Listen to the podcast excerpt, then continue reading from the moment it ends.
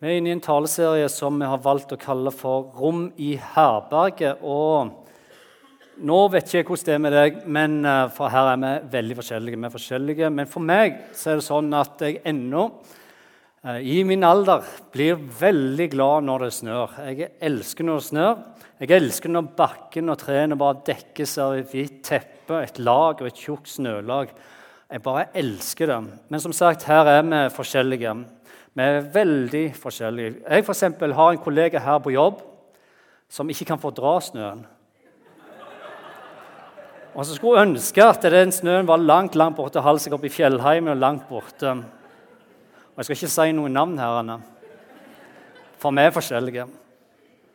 Så jeg skal, skal ikke si noe om hvem det er som ikke ønsker at barn skal få en koselig jul. Som ikke at barn skal få kose seg og lage snømenn renne på akebrettet de fikk til jul.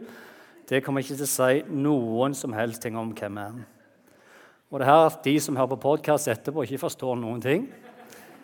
hvem jeg snakker om, For det, de ser ikke det bildet som dere ser. Og de ser ikke dette bildet heller. Som kom fra en menighet i USA. Disse her, de må virkelig være lei av snø. Og igjen, de som hører på podkast, de vet ingenting. Og sånn kommer det til å være, for jeg kommer ikke til å si noen ting. For noen fortrinn må dere ha som er her. ikke det sant?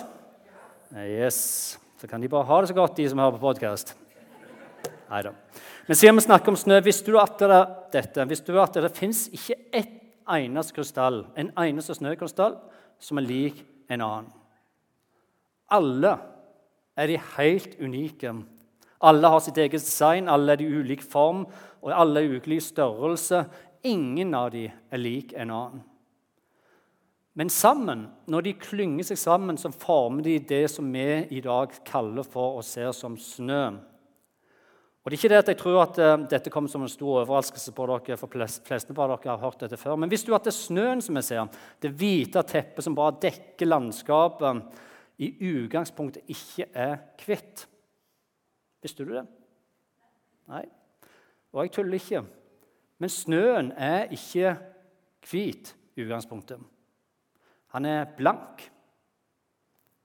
Men snøen består, består av mange tusen snøpartikler, nei, krystaller som der kommer sammen. De fletter seg sammen, og de ligger der. De er blanke, de transparente og de gjennomsiktige. Men når sola, lyset som er hvitt, treffer disse krystallene som ligger der tett vevd sammen, så sprer de som får lyset, krystallene, de sprer dette lyset til alle andre som ligger fletta sammen.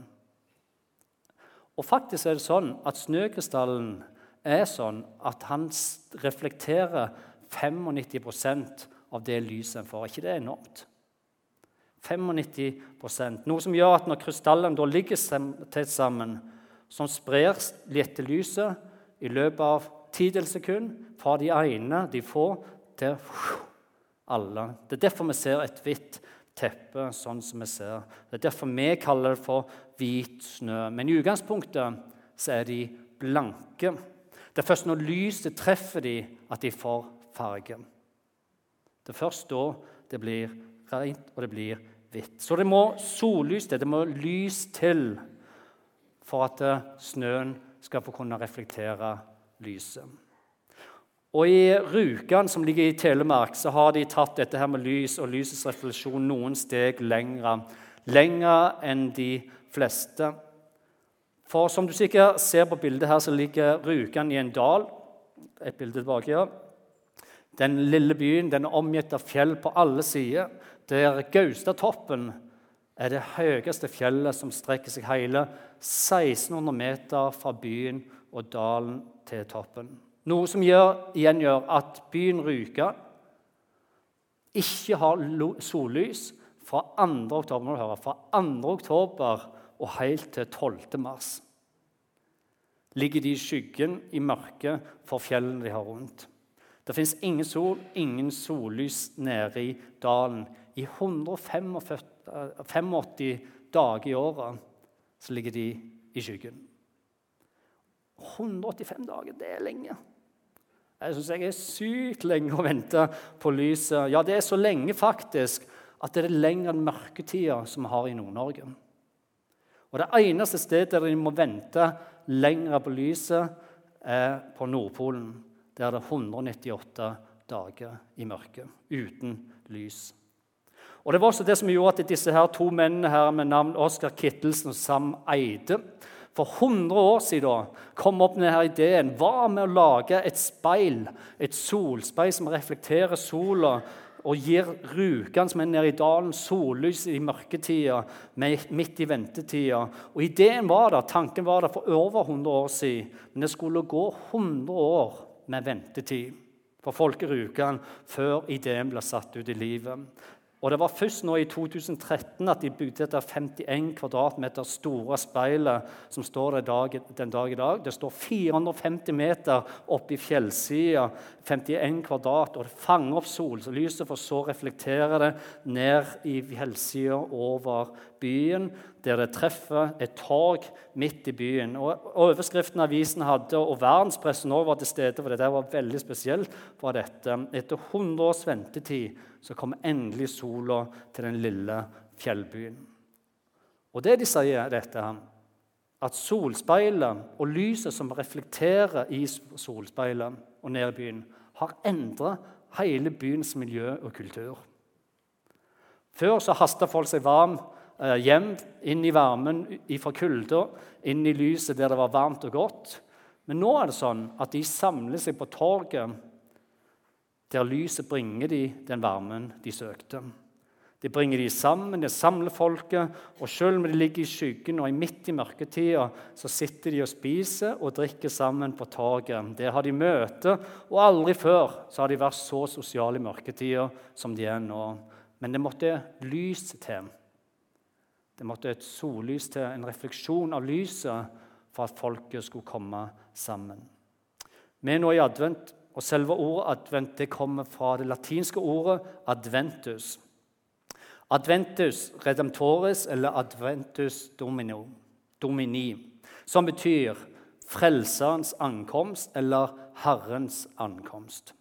Noe som igjen betyr at advent er i grunnen en ankomsttid. En venter på noe som skal komme. Det er en ventetid der en venter på den som skal komme. Det er det advent er for.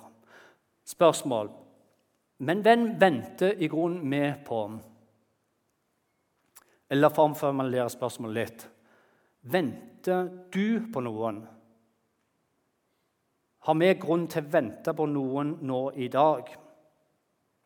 Venter vi på noen. I Bibelen fra første side til den siste så viser det veldig godt igjen at det er mye mye venting. Det fins utrolig mye venting i Bibelen.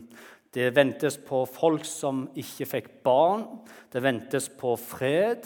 Det ventes på frihet. De venter på konge, og de venter på Messias, og de venter på Gud som skal innfri alle løftene han har gitt. I tusenvis av år så har det vært venting i eh, Bibelen. Og Flere steder i Bibelen så lever de, og så dør de, generasjon etter generasjon, mens de venter uten å få løftet oppfylt. Og Det er først når du ser hvor utrolig mye venting det er i Bibelen, hvor utrolig mange historier om mennesker som måtte vente, at en tenker og en forstår Det kan jo være at Gud ønsker å lære oss mennesker noe i ventetida. Det kan være at Gud ønsker å vise oss gjennom noe til oss mennesker som er viktig for våre liv gjennom all ventinga. Men her det er slett ikke sikkert at du og meg er så veldig interessert i å lære det Gud ønsker å lære oss gjennom ventetida. Og Noe av grunnen til dette er fordi vi lever i en kultur, i ei tid, der dette med venting ikke er bra for oss. Vi har ikke tid til å vente. Og Istedenfor å vente så har vi heller valgt å sette et annet ord framfor det å vente på Gud, vente på hverandre. Og det andre ordet som vi har sett foran å vente, er for. Vi forventer. Forvente. Vi har forventning om at dette skal fullføres, vi har forventning om dette skal skje, vi har forventning om at du skal henge med. og vi har forventning om at Gud svarer nå. Vi har satt for framfor vente. Og det er noe helt annet med å ha forventning enn å forvente. Det å ha forventning er bra. Det å se framover er bra. Men å forvente at noe skal skje for at du ønsker at det skal være sånn, det er noe helt annet. Jeg for eksempel, synes det er det å vente i fem minutter på at kårene skal bli ferdig, det er uendelig lenge å vente. Og tenk at du må vente i fem minutter, og spesielt når du ikke har lada telefonen eller har noe viktig du gjør samtidig. Du bare sitter og venter. Da er det lenge å vente. Fem minutter på at kåren skal bli ferdig. Men av en eller annen grunn så er det blitt sånn med oss som mennesker i vår kultur at det å til og med vente i fem minutter føles lenge. Uendelig lenge når du bare venter på noe du venter på. For ca. 4000 år siden så sto det en gammel mann ved navn Abraham i ørkenen i Midtøsten. og Han kjente at Gud, evighetens Gud, Gud skaper av alt liv, hviska noe til han. Abraham. Og Grunnen til at Abraham kjente igjen denne stemmen og visste at dette her var Gud, var jo fordi han hele livet sitt hadde lengta etter å søkt inn til lyset der, der Guds stemme var. Han holdt seg nær til Gud. Han ønsket å være lyset og ikke være i mørket. Og Noen ganger i løpet av livet hadde han erfart Guds hvisken til han. Og Abraham, som nå var 75 år gammel, hørte Gud si dette. Dra bort fra landet ditt og fra slekta di og fra farshuset ditt til det landet som jeg skal vise deg. Ja, jeg vil gjøre deg til et stort folk. Jeg vil velsigne deg og jeg vil gjøre navnet ditt stort, for du skal bli til besignelse. Og Så fortsetter Gud, og så står det noe veldig interessant videre. For det Gud sier videre til Abraham, er dette her. Jeg vil velsigne deg som velsigner deg. Jeg vil velsigne deg som velsigner deg. Men den som forbanner deg, vil jeg, Gud, forbanne. I dag skal alle slekter på jorden velsignes. Og det er klart, Når vi leser dette her 4000 år etterpå, vi går i Bibelen og leser dette her, vi hører historien og alt dette om Abraham, Når vi leser det 4000 år etterpå, så vet vi en del mer om det Abraham visste. Fordi vi vet jo at Gud holdt sitt løfte. Det Gud sa, det skjedde. Fordi historien viser oss til det. Mens Abraham når han var 75 år og sto i ørkenen og hørte dette, så hadde han ingen peiling på hvordan dette skulle skje. Han står der helt alene i ørkenen, og han opplever at Gud hvisker til ham at i han skal alle jordens slekter velsignes, og han er 75 år. Hvordan skal det skje? Men det her jeg tenker at Abraham gjør noe som vi i dag har mye å lære av Abraham.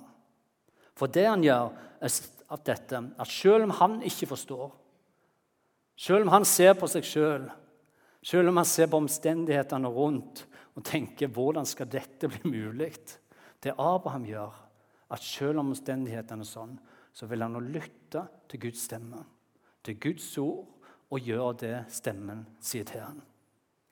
Og Grunnen til han velger å pakke sakene sine, ta med seg kona Sara, ta med nevøen Lot og reise til dette landet som Gud har lovt ham, er fordi han i alle år har valgt å være på ett sted i livet. Midt i kampene, livet gikk opp og ned, så han valgte dette å søke inn til Guds lys med livet sitt. Når livet er tøft, og når livet er godt. Søke Guds retning med livet. Med andre ord han gjenkjenner stemmen og hvisken og tar den store avgjørelsen og valget fordi han har lært seg over flere år å lytte til Guds stemme.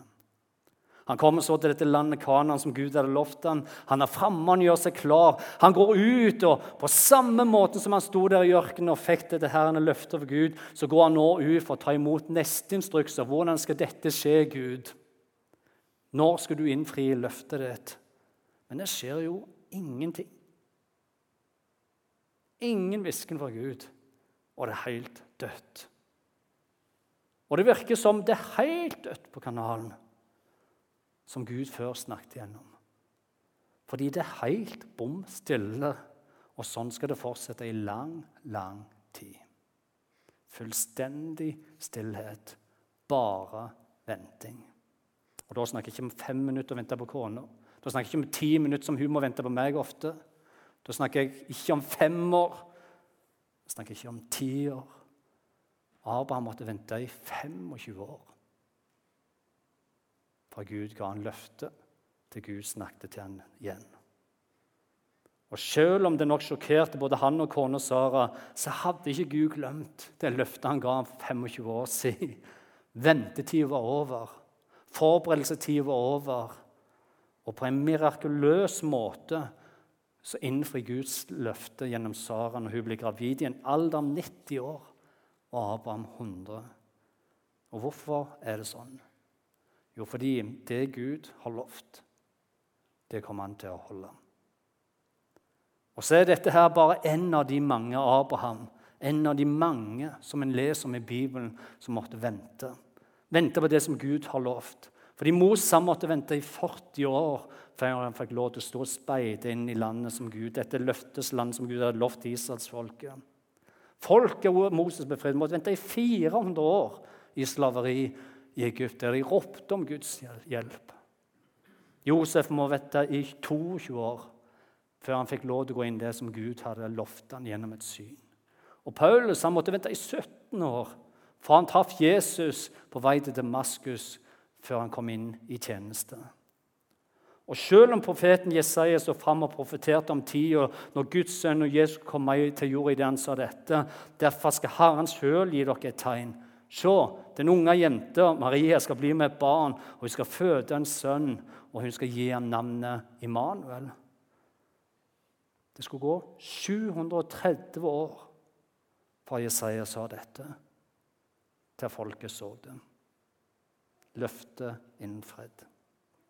Og etter at alle profetene, Jesaja og alle de andre stått fram og fortalt om denne store dagen, så skulle det gå 400 år med total stillhet fra himmelen. Ikke et pip, ikke en lyd, ikke en profeti. Ingenting i 400 år. Det er lenge å vente. Generasjon etter generasjon. Mens de venta på det Gud hadde lovt. Og For mange mennesker så endte nok det dessverre med at de mista håpet. Slutta å vente. Mista troen på at løftenes Gud virkelig fantes. Og dermed så mista de også lyset. Lyset som ga de farge og de vandra sjøl ut i mørket. Og det er ikke for å ta ifra noen av oss motet, vi som sitter og venter på svar. Og det var ikke før Simon. Simon som det står, var en rettskaffen og gudsfryktig mann. Han var mett av dage, da, så han er en eldre kar. Det var ikke før han fikk se barn og fikk holde Jesus i sine hender, at han forsto at nå er ventetida over. Det profeten Jesaja sa for 730 år siden, det er her. Det folket har venta på i alle disse år, er her nå. Og Mens han sitter med Jesus sine hender, så ber han, ja, så lovpriser han sin takk til Gud. Han sier, 'Herre, nå lar du din tjener få fare herfra i fred.' Som du har lovt, for mine øyne har sett din frelse. Som du har gjort i stand like for ansikt på alle folk. Og så sier han, 'Et lys' til åpenbaring for hedningene og ditt folk Israel til ære. Ventetida var over. Forberedelsestida var over. Det han et helt liv hadde venta på, så han nå rett foran øynene sine. Det folket hadde hørt om, skjedde nå. Lyset kom til jorda. Ventetida var over og lyset kom for å ta bort mørket. Og Det er her den ene av Jesu disipler, disippel Johannes, velger å skrive det sånn. Det sanne lyset som lyser for hvert menneske, kom nå til verden. Og Når Jesus sjøl velger å stå fram for å forklare hvem han er, så sier han dette. Jeg er verdens lys. Den som følger meg, skal ikke vandre i mørket, men ha livets lys. Ja, advent ei tid der vi minnes det Gud har gjort. Vi får speile bak i historien. Vi får si det var sant som du sa. Advent handler om barna som kom, og det handler om løftet som gikk i oppfyllelse. Det handler om ankomsten, om Frelserens ankomst, og det handler om Herrens ankomst. Ja, advent det er en tid der vi minnes det som Gud har gjort, og det er flott. Men samtidig så vi må våge å spørre oss sjøl dette Om vår adventstid nå i dag bare handler om historien som en gang var. En historie. Eller om også vi, som Abraham, som Moses, som Josef, som alle profetene, som folket som måtte vente i 400 år, om også vi har noe som vi venter på i dag. Er det noe som vi venter på? C.S. Lewis, som er forfatter av mange flotte bøker og er kjent for filmserien Narnia, han skriver dette her. Det syns for meg umulig å beholde vår tro på guddommelighet og Kristus og sannheten om den kristne åpenbaring mens vi forlater, eller til og med vedvarende neglisjerer den lovede og hindrede tilbakekomst av Jesus Kristus i noen gjenkjennelig form. Og det C.S. Lewis skriver, er dette her. Vi som lever i dag, vi må aldri glemme Aldri må vi miste at Jesus lovte at han en dag kommer igjen. Han fortsetter å skrive dette, sier Lewis. Vi kan ikke neglisjere det faktum at Jesus sa til oss alle at en dag så vil han komme igjen for siste gang og hente sine hjem til seg. Noe som betyr at også vi, som Abraham, som Moses, som Josef, som Paulus, som folket, har et løfte i dag om en som kommer. Vår adventstid handler om Herrens ankomst. Et løfte som Gud kom til å innfri. Jesus han sier det sjøl slik som dette her. Som lys er jeg kommet til verden, for at ingen som tror på meg, skal bli i mørket. Men den som hører mitt ord og ikke holder fast på dem, dømmer ikke jeg.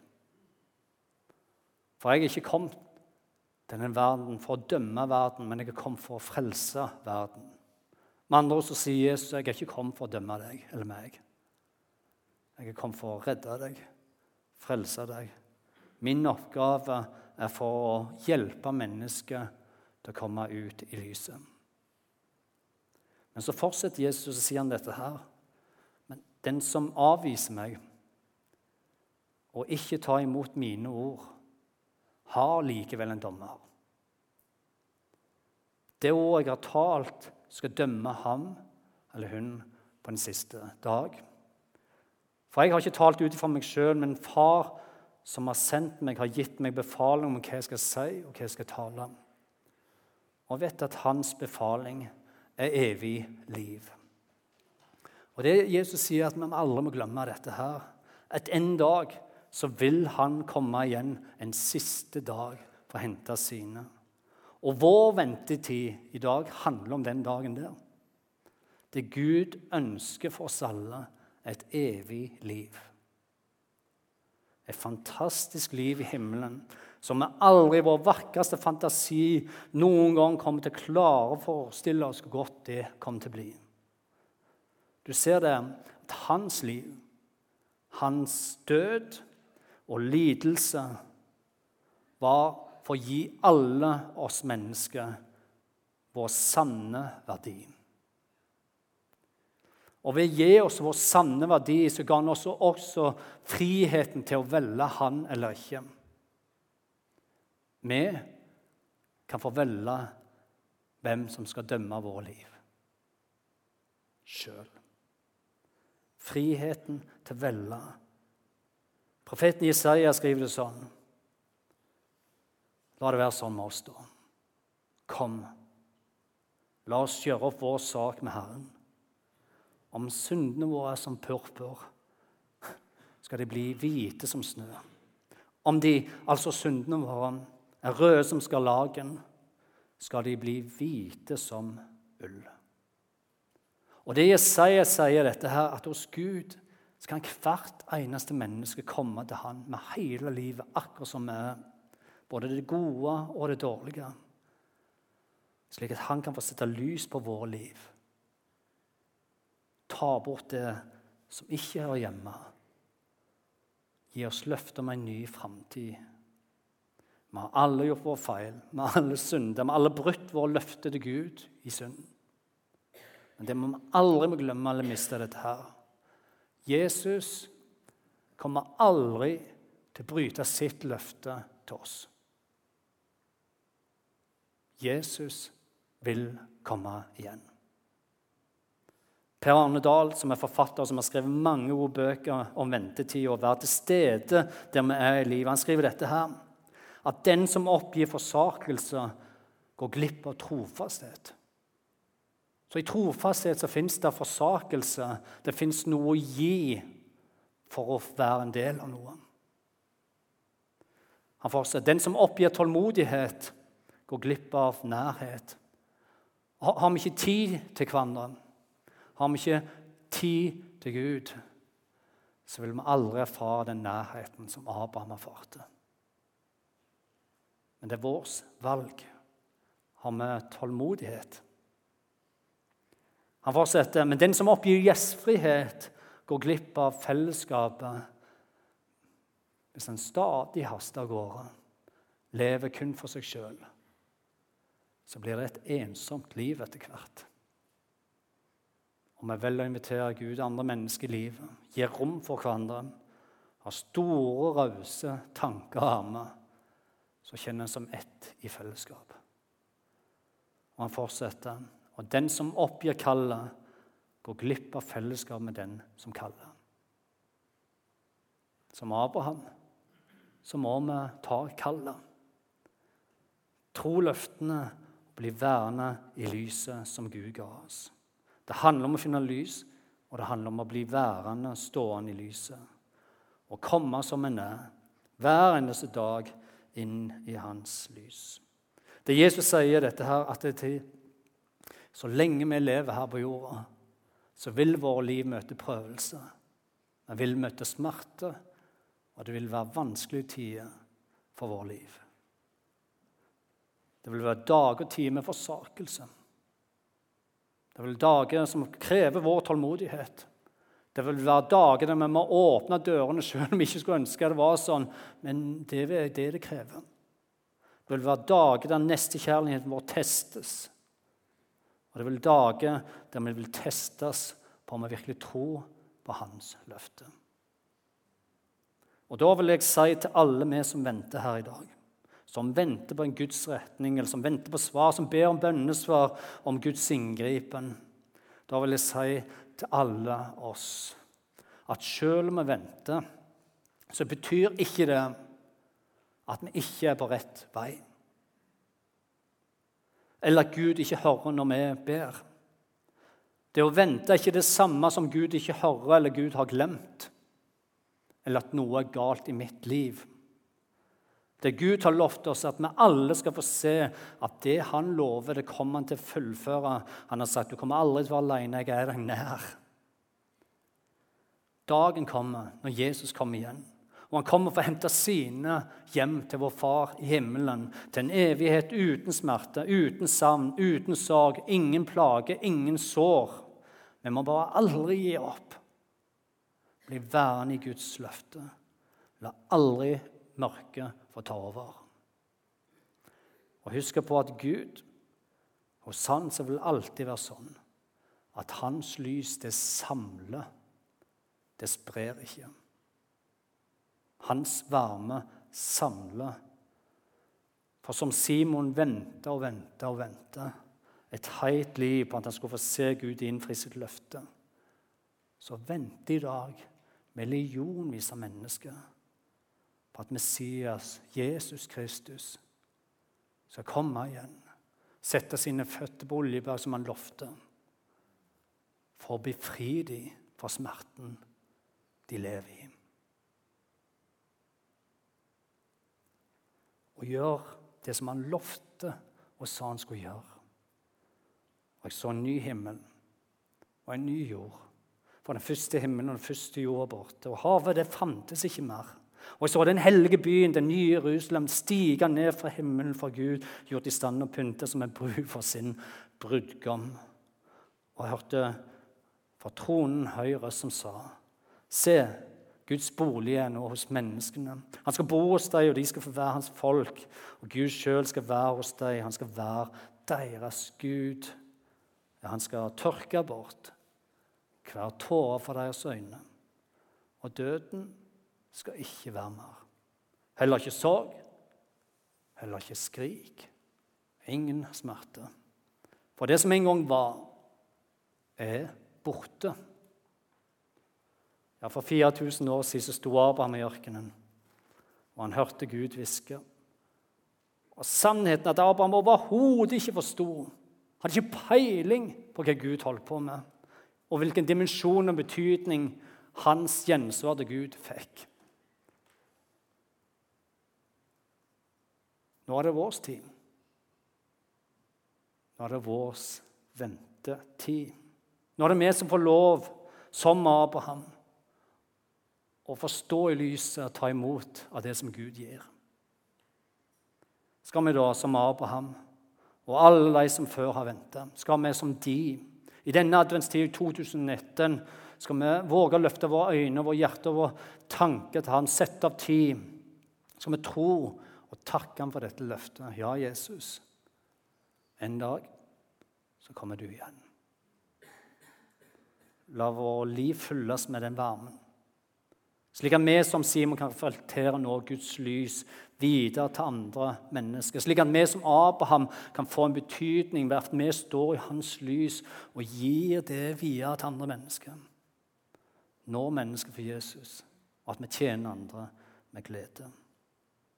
Fordi han lover hvert eneste menneske som tar imot ham, hans lys, skal få en fantastisk evighet sammen med han, med hverandre i evighet.